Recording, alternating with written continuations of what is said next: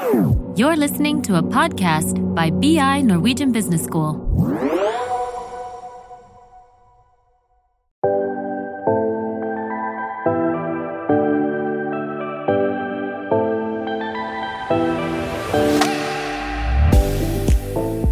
Velkommen til Karrierepraten, en podkast for karriereinnsikt og inspirasjon fra Handelshøyskolen BI.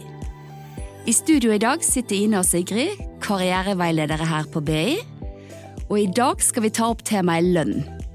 Både hvordan å posisjonere seg gjennom søkeprosessen, så man har gode kort på hånden når man skal forhandle begynnerlønnen sin, hvordan man gjør selve forhandlingene, og når man forhandler lønn. Og sist, når du først har startet i jobben, hvordan være verdens beste ansatt. Det vil jo også si at du er i en god posisjon for de lønnsforhandlingene som kommer fremover.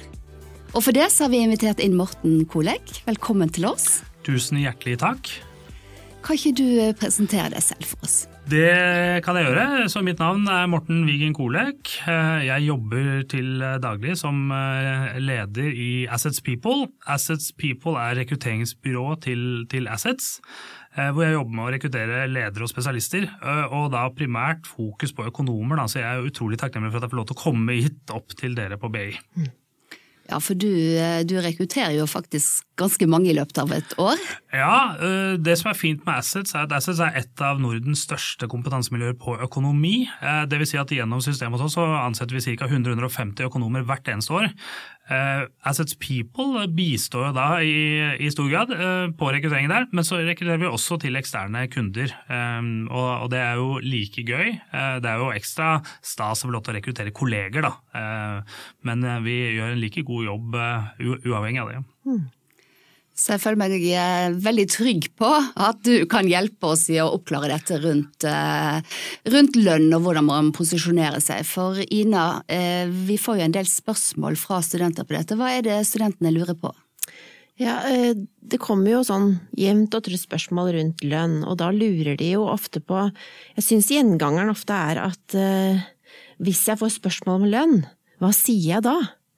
Eh, og hva er mitt nivå, hva kan jeg si, hva er svaret? Eh, det er det jeg kommer på først og fremst, og det er jo andre spørsmål også, men jeg tenker vi skal ta opp flere spørsmål underveis her. Mm. Tror det blir mm. veldig nyttig. Mm. Ja. Mm. Jeg nevnte jo det at det begynner jo egentlig i søkeprosessen. Eh, hvordan, hvordan, kan studenter og andre for den saks skyld som skal skifte jobb, tenke for å øke mulighetene sine i en jobbsøkerprosess? Så jeg tenker at Det viktigste er å gjøre en grundig analyse på hvor det er du tror du har størst sannsynlighet for å lykkes. Da. Eh, for når det er samstemthet mellom eh, dine egne følelser rundt det og den bedriften som potensielt skal ansette deg, så vil jo de se at markedsverdien din er kanskje større eh, enn andre. Og Da har man et bedre utgangspunkt da, for, å si, for, å slå i bordet og, og være litt tøff i, i forhandlingen på, på lønn. Da. Og så vet vi at det finnes jo mange andre ting å forhandle på også, utover lønn. Eh, men det er klart den posisjoneringen der, det å sørge for at det, dette er et miljø jeg tror jeg lykkes i, mm. Eh, det tror jeg dere også ser. Da er man jo bedre rusta for å kunne få en, eh, en god startlønn. Da. Mm. Så tenker du både bransje og type rolle, da, oppgaver du skal gjøre? Ja, det, kan, eh, det, det er jo i den grunnen. Altså når jeg prater med f.eks. graduates om, om, det med å posisjonere seg, så begynner vi jo ofte en, en, en trakt. Altså byen helt bredt. Mm. Finne ut alle mulige typer bedrifter og bransjer, og organisasjoner og miljø som du kan trives i. Og så må du skalere ned etter hvert som du går. Da, Ta bort de tingene, finne ut hva det er som er viktig for deg for at du skal få det til, lykkes i jobben. Hva slags folk trenger du ha rundt deg? Trenger jeg være i et, i et, salgsmiljø, eller trenger jeg være i et miljø med høye albuer, eller trenger jeg være i et jordnært og rolig miljø? Ikke sant? Alle disse mm. elementene som, som, påvirker om du kommer til å lykkes. Mm. Eh, og Når man finner ut av det, så har man kanskje gjerne ikke så altfor mange igjen i bunnen av trakta, men si man kan ha fem, seks, syv eh, typer bedrifter. Og så må man jo søke der, da. Og, og, hvis den analysen er gjort riktig, så er jo tanken at man skal oppleve å få flere positive tilbakemeldinger enn det man får negative. For det er også en viktig del av det. Mm. Så det å, å, rett og slett begynne tidlig, altså det henger sammen. Vi snakker jo, vi har lønn som hovedtema her, men det er faktisk å tenke at det å posisjonere seg på en måte at du søker de jobbene som du vil trives best i, og som du er best kvalifisert for, det vil selvfølgelig også henstille til hvilken lønn man kan få. det. Ja. Mm, skjønner. Um, Så hvis vi går litt over til dette med eh, forhandlinger av lønn, Altså, eh, hvordan gjør man det når i prosessen? Hvor, hvor, skal man starte å tenke rundt dette med lønn? Ja, Det er jo et godt, godt, spørsmål. Først må man jo se litt på, på hva slags utdannelse er det man har tatt. Da. Og, og, hvor mange mennesker er det som går ut med samme utdannelse som meg? Hva slags type miljø, hva slags konkurranse møter jeg? Mm. Um, vi vet jo at BI har jo statistikker på dette her. Ekona har statistikker på dette her. Tekna og NITO har statistikker på dette her. Så det er mulig å finne masse informasjon på hvor man burde ligge når man er nyutdannet utdannet. Eh, og så kommer du da inn på det som vi nettopp pratet om. Eh, hvordan har man posisjonert seg, hva slags type jobb er det man får muligheten til å, å tre inn i? Og hvor tøff kan jeg være da i forhold til um, hvis jeg krever for mye her nå, går de bare til nestemann på lista, eller vil de være villige til å satse på meg fordi de ser at jeg har et veldig godt utgangspunkt, kanskje bedre enn de andre som har søkt, på å lykkes i jobben. Uh, begynn med statistikk, og vit verdien din. Mm det spørsmålet som Ina stilte i stad, det er jo sånn typisk spørsmål som FI får, får veldig mye av. ikke sant? Eh, hva kan jeg kreve, og, mm. og hvor, hvor, skal vi, vi begynne? Eh, still det spørsmålet igjen, Ina, så skal vi finne et svar på det. Husker du det?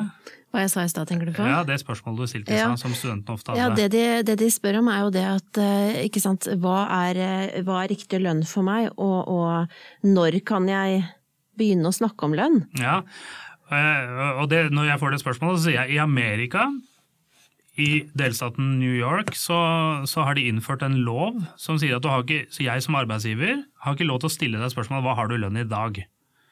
Og Det er jo et sånn fint utgangspunkt for folk å være klar over. at Det er ikke noe eh, nødvendigvis interessant å vite hva du har i lønn i dag. Så dette blir jo ikke for de graduatesene når vi møter de, men mer for de som går fra den ene jobben til den andre.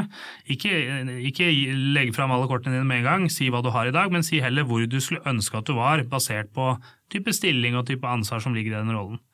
Så det er også et viktig utgangspunkt. Men Det er jo ikke helt uvanlig å bli spurt om det. Hvilken lønn har du i dag? Hva svarer man da?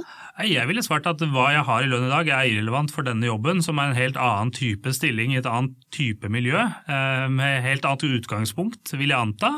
Eh, og så er det jo slik at man er, Ofte så er jo arbeidsgiver litt bundet av hva slags type interne strukturer de har på lønn osv. Eh, og det er ikke alltid de vil være interessert i f.eks. Å, å øke lønnen til en, en, ekstern søker veldig mye hvis det blir skjevheter internt osv. Mm.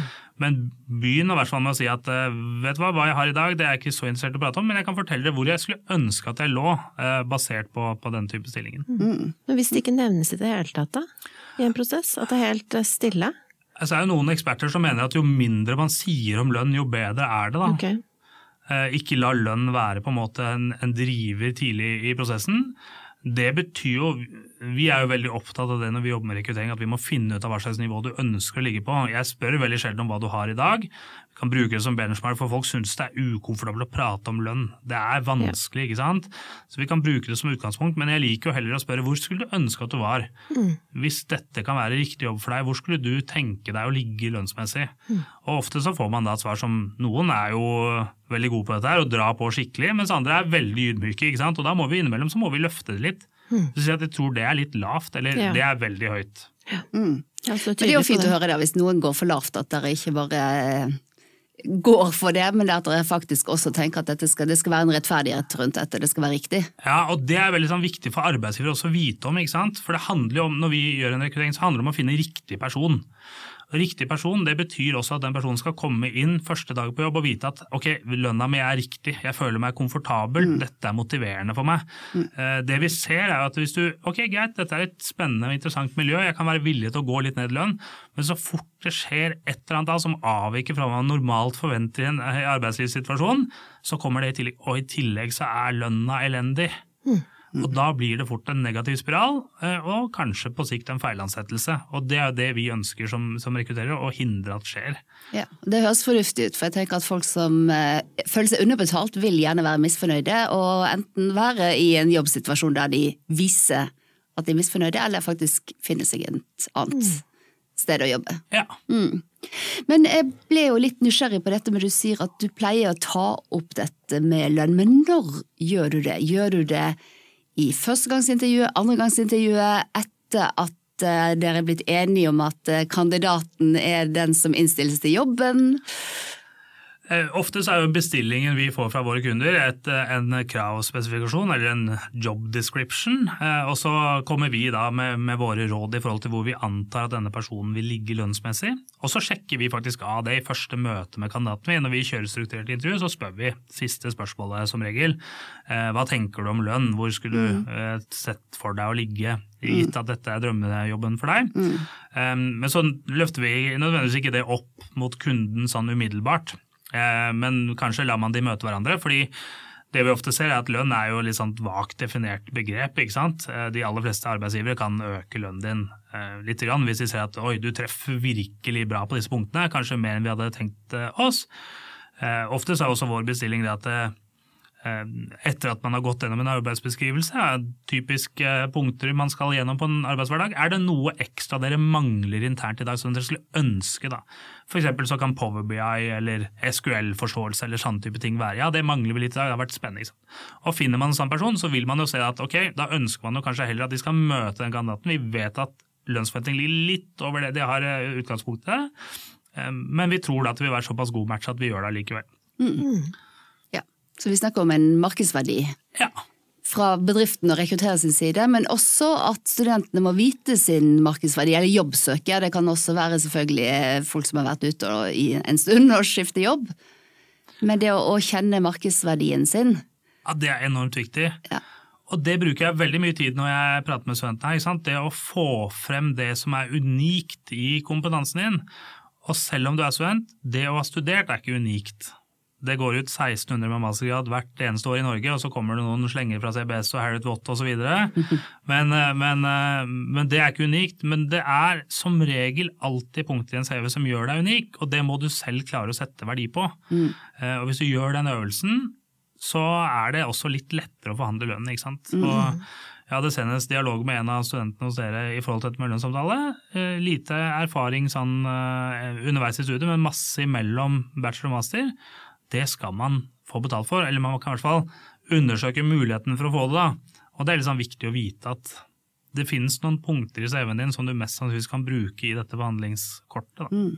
Men jeg tenker litt på når du sier at man må liksom gjøre seg kjent med seg selv da, og, og, vite hva sin markedsverdi, så kan man snakke med deg da, hvis man er heldig og treffer på deg, så har man karrieresenter her på BI. Men hvis, utover det, da, hvem er det man kan bruke som støttespillere for den informasjonen? Altså, jeg, jeg, vil jo tro at dere vil jo være den raskeste og enkleste mm. kilden til å få god konstruktiv hjelp. Altså, bruk dere, det har jeg sagt uh, gjentatte ganger den siste tiden. Uh, bruk karrieresenteret på BI. Og så finnes det jo fagforeninger eller interesseorganisasjoner som Ekona, Tekno, Nito og sånne ting. Som du nevnte i stad. Ja, som, som, har god innsikt på dette med lønn. Der kan man snakke med noen også. Der kan man snakke med ja. noen.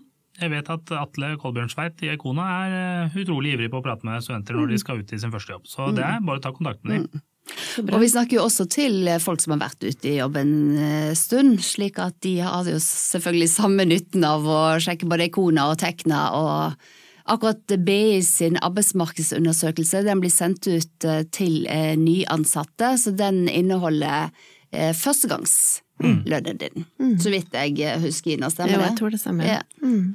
Så, mm, men Eh, vi har jo snakket litt om lønn, men jeg tenker at det er jo forskjellige goder som man kan se for seg. Som går utover lønn også, så kan man ha stor verdi mm. når eh, jeg skal av, avlønnes. da. Mm. Altså jeg, jeg, eh, jeg, er jo selv siviløkonom, så det er jo ikke til å putte under stol at veldig mange av mine venner er jo revisorer, har, har vært det i tidligere stadier. Og der har jeg veldig ofte fått spørsmål. ikke sant? Men må, nå må jeg forhandle lønn, kan du hjelpe meg med det, Morten? Så sier jeg alltid ja, det, det er jo litt mantra i mitt liv. Mm. Det som er med Som revisor så har du enorm hektisk hverdag eh, tidlig på året, og så har du ganske fleksibilitet gjennom sommeren og mye avspasering og sånne ting. Eh, bytter man jobb som revisor, så mister man jo gjerne den fleksibiliteten midt på sommeren. Og det er jo noe som man kan bruke som et forhandlingskort. At, vet du hva, jeg har blitt veldig glad i å ha seks uker ferie. Mm. Er det noe vi kan bli enige om? Eh, det er ofte sånn når man butter litt imot, man kan ikke få lønnen noe høyere opp. Man må finne andre elementer å forhandle på. Ofte så ser vi det at ved å forhandle på ferie, så, så vil man kunne si at ok, jeg kan jeg får en uke ekstra ferie, jeg tar med mobilen så jeg er tilgjengelig hvis det skulle være noe krise. Mm. Det som er viktig er jo da å ha forståelse for at som økonom så er det kanskje eh, tidvis mye å gjøre i rapporteringsøyemed osv. At man ikke tar sånne ekstragoder ut av eh, første uka i en måned f.eks., mm. eller akkurat når det er eh, ekstra mye å gjøre. da. Men, men, ferie er en ting som man kan forhandle på. Det er jo ikke alle bedrifter heller som har fem uker ferie. Noen har, bruker ferie, ferieloven har fire uker igjen. Det er sånne ting som man må vite om når man leser kontraktene sine. Ja, at Følger man ferieloven, eller har man fem uker og, og 12% feriepenger, mm. så er et sånt viktig element å være litt påpasselig på. Har de fire uker igjen, ganske greit å forhandle seg opp. Veldig mange som har fire uker og én dag ferie, opererer jo faktisk med fem uker også, for de har ikke fått med seg at ferieloven sier noe annet. Mm. Men, men, det kan være greit å få det skriftlig, da, så du har det sort på hvitt. Mm. Mm. Så har vi også hatt jeg nå tenker spesielt en gjest vi hadde i en tidligere episode, Ina, som eh, jeg vet forhandlet med også å få seg nye kurs. Og klart kanskje når man akkurat har gått, eh, gjort ferdig en grad og man er litt lei av å og lære kanskje har lyst ut i, i praktisk og, og, praktisere det man har eh, lært. Så kanskje ikke det er så attraktivt, men allikevel så tenker jeg denne eh, personen som vi snakket med, hadde forhandlet seg frem til å få noen kurs på Harvard, og det tenker jeg å komme til Boston og gå litt på Harvard, det er gøy for alle. Så jeg tenker det, Og det finnes helt sikkert også andre goder man kan tenke seg å forhandle om. Ja, det, det, gjør det. Jeg vil egentlig bare følge opp det du sier der. For jeg tenker at det kan gi et sånn fint sånn langsiktig perspektiv inn i jobben. Hvis man sier at vet du, dette er drømmejobben for meg, jeg har valgt en spesialisering f.eks. innenfor markedsføring, men dette er innenfor et annet fagområde. Eh, så hvis jeg blir hos dere i tre år, så tenker jeg at, eh, at, vi kan ha en klausul i min kontrakt som sier at det utløses etter tre år et, et beløp til videreutdanning, eller ta en MBA på, på, på BI f.eks. Mm. Eh, så det er en veldig sånn fin måte å gjøre det på. Eh, det er ikke noe man gjerne tar eh, fatt på umiddelbart etter studiet, men gjerne litt sånn langsiktighetsperspektiv på det. Det gir også et fint sånn innsalg til arbeidsgiver, tenker jeg. Og så er det sånn som pensjon, da. Det er jo ikke så lett å forhandle på. Pensjon er jo det pensjon er, og ofte styrt av kollektive avtaler som man har med en pensjonsleverandør.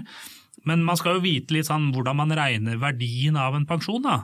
Fordi det er klart, eh, Går man til et sted hvor det er 3% pensjon, og man har et annet tilbud for hånden hvor det er 5 eller kanskje til og med høyere enn 5 eh, så kan man jo veldig rett regne ut hva er det jeg taper i pensjonen min på å gå for dette tilbudet, som kanskje er mer attraktivt. Hvis man kan sette en verdi på det, så er det også lettere å si det. da. Mm. At dere har en lav pensjon, det kan jeg akseptere, men da vil jeg også spare litt mer på egen hånd, og da trenger jeg at dere bumper opp lønnen min tilsvarende 30 000, ja. som, som, utgjør forskjellen på pensjonen. Mm. Det er jo et forhandlingskort, ikke sant. Mm. Det finnes jo eh, andre som vi prater veldig mye om. Hvis du går fra et bonusrelatert miljø til en jobb som kanskje ikke har bonus, og du mister deg bonusen ja. fordi ser at arbeidsgiver er ikke spesielt gira på å betale ut den bonusen i oppsigelsestid f.eks. For Forhandle på en engangsutbetaling som en kompensasjon for at man eh, bytter over til et miljø uten bonus. Det er en mm. måte å gjøre det på. Mm.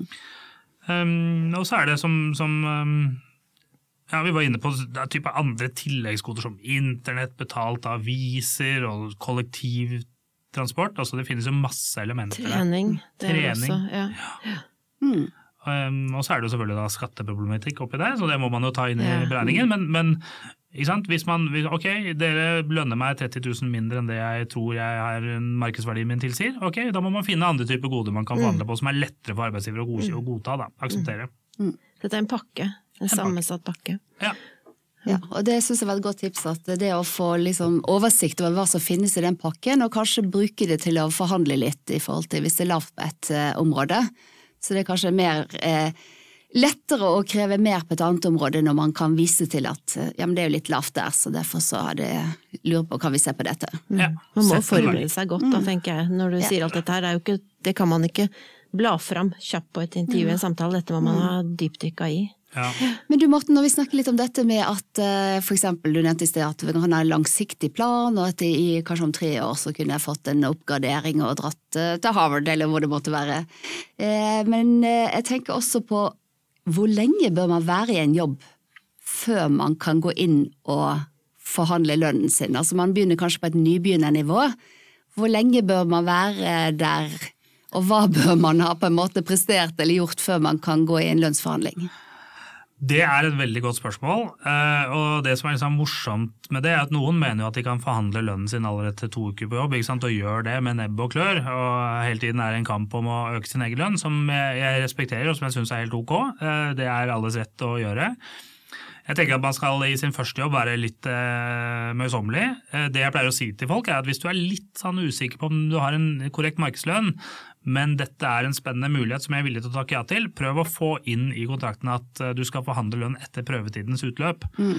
Det kan jo være en sånn god start på det. Da har man jo blitt litt bedre kjent, man har fått litt mer informasjon om omfanget i stillingen, blitt kjent med miljøet, og man har begynt å se litt hva det er man kan produsere. Mm. Um, um, og så er det jo klart at um, man er jo veldig ofte en kostnad det første året i en ny jobb, eh, kanskje også til og med på år to. Eh, så det er litt sånn vanskelig, men du ser i hvert fall omrisset av om man kommer til å levere, om man blir kjent med miljøet, om man bidrar sosialt osv. Så, videre.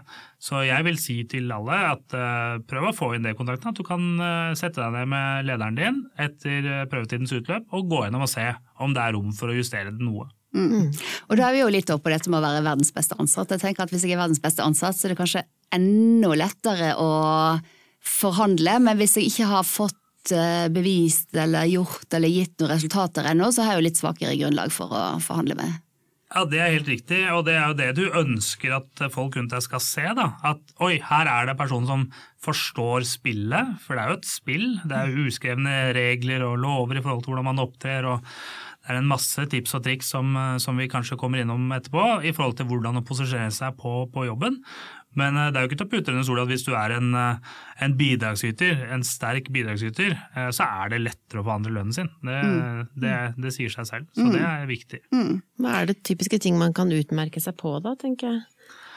Altså, når jeg prater om å bli verdens beste ansatt, så er det mm. ofte det å forstå miljøet man er i. Da. Hva er det de ønsker at jeg skal gjøre? Mm. Og Et sånt spørsmål jeg alltid stiller når jeg holder det foredraget bli, 'Hvordan bli verdens beste ansatt', så er det Drar du på jobb og gjør det du tror at omgivelsene vil at du skal gjøre, eller drar du på jobb og gjør det du vet at de skal gjøre? Mm. Eh, og Hvis man venter litt med å stille oppfølgingsspørsmålet, så er det jo veldig mange som svarer at jeg er temmelig sikker på at jeg gjør det folk, at jeg gjør det de tror, eller at miljøet tror at jeg skal gjøre, mm. uh, istedenfor å vite. Uh, og det er ikke noe galt i det, men det er klart at det er lettere å bli sett. Det er lettere å vite at du leverer i tråd med, med, med hva omgivelsene forventer. Da. Mm. Mark eh, Cubain, en sånn amerikansk seriegrunner eh, som ikke er noe, jeg har ikke noe sånn sterk fascinasjon for han, men han har uttalt en gang at de som blir lenge i hans selskap, det er de som har forstått at den viktigste verdien du kan gi en leder, er å få stressnivået ned. Mm -hmm.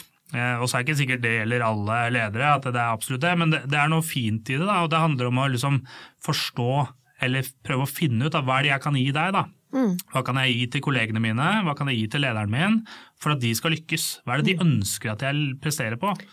Skal du spørre da, eller skal du observere, snakke med? Hvordan får du tak i akkurat den informasjonen?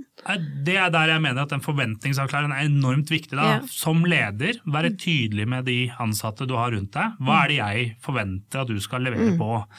Eh, jeg bruker alltid et sånt eksempel fra egen hverdag, da, hvor vi har jobbet i en bedrift eh, som for så vidt også Ina har jobbet i, hvor vi hadde månedens ansatt. Og jeg jobbet jo ganske hardt for å bli månedens ansatt, men jeg ble det jo aldri.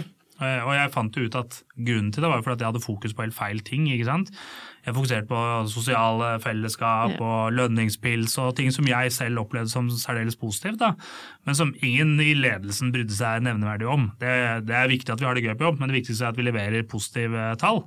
Uh, og det er litt sånn, Hadde jeg bare stilt det spørsmålet, så hadde jeg fått svar. Mm. Uh, og hadde min leder vært tydelig med meg, så når jeg f.eks. Uh, går inn i rollen som leder, så er jeg veldig sånn opptatt av at vi skal prate med hverandre om disse tingene. For det er mye bedre at vi vet det, enn at vi lurer på det. Ja. Takk for det eksempelet, Morten, for da ble det veldig tydelig for meg hva du mener med det. Mm. Ja. Ja, det er, og det er egentlig en sånn ganske enkel greie. Jeg tenker at Ledere der ute bør være spesielt opptatt av akkurat det. For det er spesielt når man ansetter nyutdannede, så er man jo litt sånn ydmyk, bør være i hvert fall sin første tid i jobben. Og det er ikke bare å buse på og stille masse spørsmål til en leder som har vært lenge i en bedrift. Så vær en leder da, som åpner for en konstruktiv og gjensidig god dialog mellom partene. For det er det verste jeg hører er når folk sier sånn Nei, han, han, eller hun de er bare her for å gjøre ugagn. ikke sant? Ingen, jeg har sjelden møtt noen som drar på jobb for å gjøre en dårlig jobb. Det finnes andre grunner til at det skjer. Og den banale, enkle grunnen kan innimellom være at jeg vet ikke. Jeg mm. tror det er dette jeg skal gjøre. Mm. det Ja. sikkerhet Gjør, gjør, så godt man kan, men uh, egentlig de feile tingene. Ja. Mm. Skjønner. Du, dette er ordentlig nyttig. Eh, det siste egentlig jeg tenkte at vi kunne touche innom, det er jo Vi har snakket om eh, lønn, i alle fall i mitt hode, som liksom får mest mulig lønn og mest mulig goder. Men så tenker jeg at det kan jo være en avveining også. Eh, jeg tenker at i noen jobber så lærer man mye. Ehm, det trivelige arbeidsmiljøet, det kan være verdt noe. Eh, så jeg tenker det der å Er det lurt å ta en avveining på er det lønn som er viktigst for meg, eller er det arbeidsmiljø, hvordan jeg kan utvikle meg? Dette er kanskje et ledende spørsmål. Nei, altså Det er et uh, veldig interessant spørsmål, fordi um, det er jo egentlig en helt individuell uh, greie. Uh, hva er det som er viktig for meg, ikke sant. Um, jeg mener dog at igjen et eksempel som jeg veldig ofte bruker. Hvis du går inn i en jobb 30 000 under det du burde ha hatt, etter 20 år i jobb så er det nesten en hytte på fjellet. For du mm. tar veldig sjelden igjen de 30 000. Mm. For du forhandler da neste gang på den lønnen du har, og så blir det fremdeles de 30 000 bak. Mm. Mm. Så, så, så, det skal man være litt klar over. Samtidig så er det som du sier, at her er det sinnssykt bra potensial for meg å lære de tingene jeg syns er spennende, og det vil på sikt muliggjøre det at jeg oppnår min drøm om å, å, få en eller annen rolle i et selskap som er høyt oppe på min liste over interessante arbeidsgivere, mm. Eh, så er det klart at um, man kan jo da vente litt med å profittmaksimere seg selv. Eh, det er gjort en undersøkelse på dette fra, fra Harvard, tror jeg, hvor de mm. undersøkte hvem er som er lønnsvinnerne. og Det er mm. de som har en tydelig og klar strategi og plan tidlig i studiet mm. for hva de skal oppnå. De som ikke hadde det, som havner litt på slump, Eh, de eh, klarte ikke å profittmaksimere seg selv. Og så er det ikke i Norge så er det jo små forskjeller, og, og, og, det er relativt greie Det er ikke noen million dollar lønninger mm. som nyutdannet, sånn som man kanskje kan ha i Amerika. Mm. Eh, men igjen, hvis man, hvis man, veier dette opp mot hverandre, da, så må man jo finne ut selv hva som er viktig for meg. Og hvis det er en del av en langsiktig plan, så er jeg kanskje enig. Men samtidig så skal man jo være klar over at man kan være lønnstaper på sikt hvis mm. man går ut 30 000 under det man burde. Ja, Så ha en bevissthet rundt det, det er iallfall viktig. Ikke sant. Ja. Du, takk igjen. Jeg syns dette har vært skikkelig nyttig og fin eh, samtale. Eh, det tror jeg lytterne våre vil eh, synes også. Så bra. Så jeg tenker jeg kan prøve meg på en liten oppsummering. Eh, jeg tenker at Det begynner jo med å være klar over merkevaren din. Det er jo det vi snakker om her på B. ikke sant? Altså, hva, er, hva kan du? Hva er du motivert for, hva er det du kan bidra med, hva er det på din CV som gir en spesiell verdi? Og så kjenne oss til markedsverdien, som er altså den generelle markedsverdien, gjennom å sjekke lønnsstatistikker gjennom Kona eller Tekna eller BI sin eh, ja. Og snakke med folk rundt. Karrieresenter og andres om, om lønn. Det finnes masse ekstra goder i forhold til lønn, og det er andre goder som man kan forhandle med, og gjerne forhandle det ene mot det andre. Um, og når man først eh, er i jobben, det å være verdens beste ansatt, eh, få ned stressnivået til lederen din. hva er det lederen, hva er det eh, arbeidsplassen trenger at du, at du løser for dem? Det syns jeg var et veldig, veldig fint tips også. Eh, så tusen takk igjen, Morten. Altså, dette har vært, eh, var fint å ha besøk av deg her i Karrierepraten. Så bra. Gleden var min. Takk for at jeg fikk lov til å komme. Takk.